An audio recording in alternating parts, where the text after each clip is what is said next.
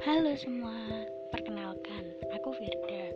Statusku sekarang masih duduk di bangku SMA dan ini adalah podcast pertama aku. Jadi, kalau masih ada jeda di podcast kali ini, aku minta maaf banget sama kalian. Oh iya, bagi kalian yang dengerin ini, aku cuma mau bilang ke kalian, nanti akan ada podcast selanjutnya dari aku. Jadi stay tune ya. Bye teman-teman. Makasih yang udah dengerin.